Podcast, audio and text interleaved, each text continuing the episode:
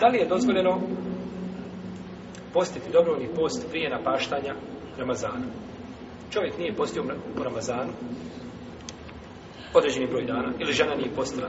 I nakon toga, da li može postiti dobrovoljni post, pored veke četvrtak, bijele dane, prije nego što naposti Ramazan? Da li može postiti ašur i ta su prije nego što naposti šta? Ramazan. Džumor uleme iz prvi i posle potrednjih generacija smatraju, kao što smo spominjali, sjećate se riječi Ibnu Hazma, Feti Bari, da nije obaveza na post propušteni post odmah, neposredno nakon čega? Ramazana. Nije, znači, obaveza. Iako je bolje, jel da čovjek što prije da požuri sa napaštanjem. Pa su, nakon toga se islamski učenjaci razišli da li je dozvoljeno postiti dobrovni post prije nego što se napusti Ramazan. Kaže Ebu Hanife, ili kažu nefijski učenjaci, i to je jedan rivajet od Ahmeda da je to dozvoljeno.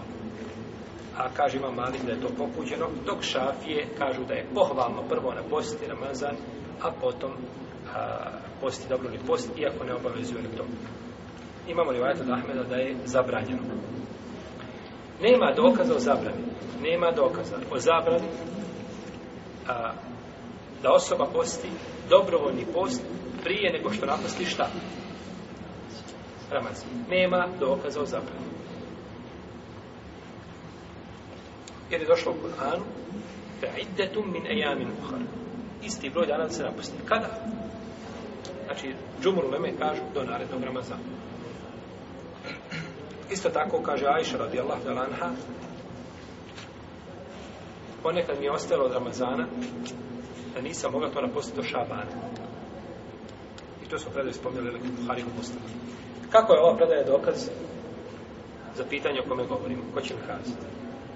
Predajući. Ali još neko. Na prvim pitanjem.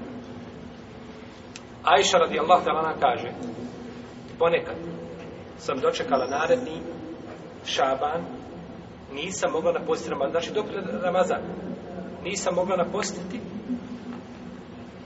Bila sam zauzeta sa poslanikom sa Mocerom. Kako je ova predaja dokaz da je dozvoljeno postiti dobrovoljni post prije na paštanje Ramazana? Ima još, još neko novi ko nam se nije javljao. Recimo,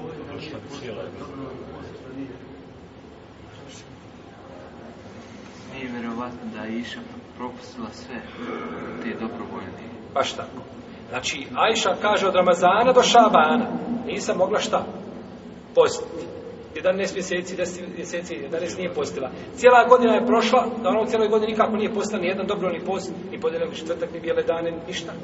Ajša radi Allah talan, teško. Je tako? Pa je ovaj, to učenjaci uzimaju kao argument.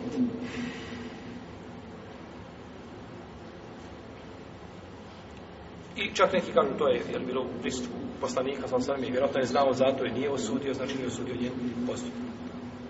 I ovo porede kao namaz sunnet prije farsa. Ušlo je podnesko vrijeme, ti klanjaš sunneta i nisi klanio farsa. Je ti dozvoljeno da klanjaš nešto od dobrovoljnih namaza, mimo toga, prije farza opet? Molim? To je vrijeme dozvole klanjanja. Nema smetnje i da odgodiš farza. Nema, jer to je vađib koji je vremenski ograničen i ima, znači, određeno vrijeme u kome se mora obaviti i treba se obaviti u tom šta vremenu. Pa da se o, nešto prije toga čini, kaže, nema nikoj smije.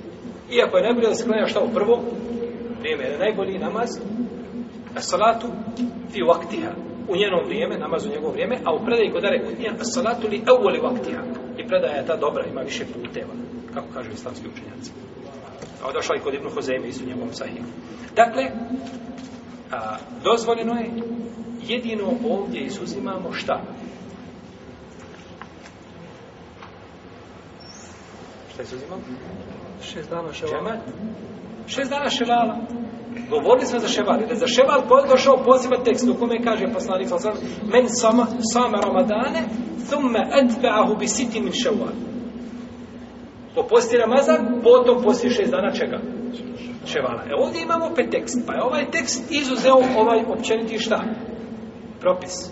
Ovdje je treće, Allahu alim, znači shodno spoljašnjem značenju hadisa, da treba ispostiti Ramazan, pa onda nakon toga posti čega?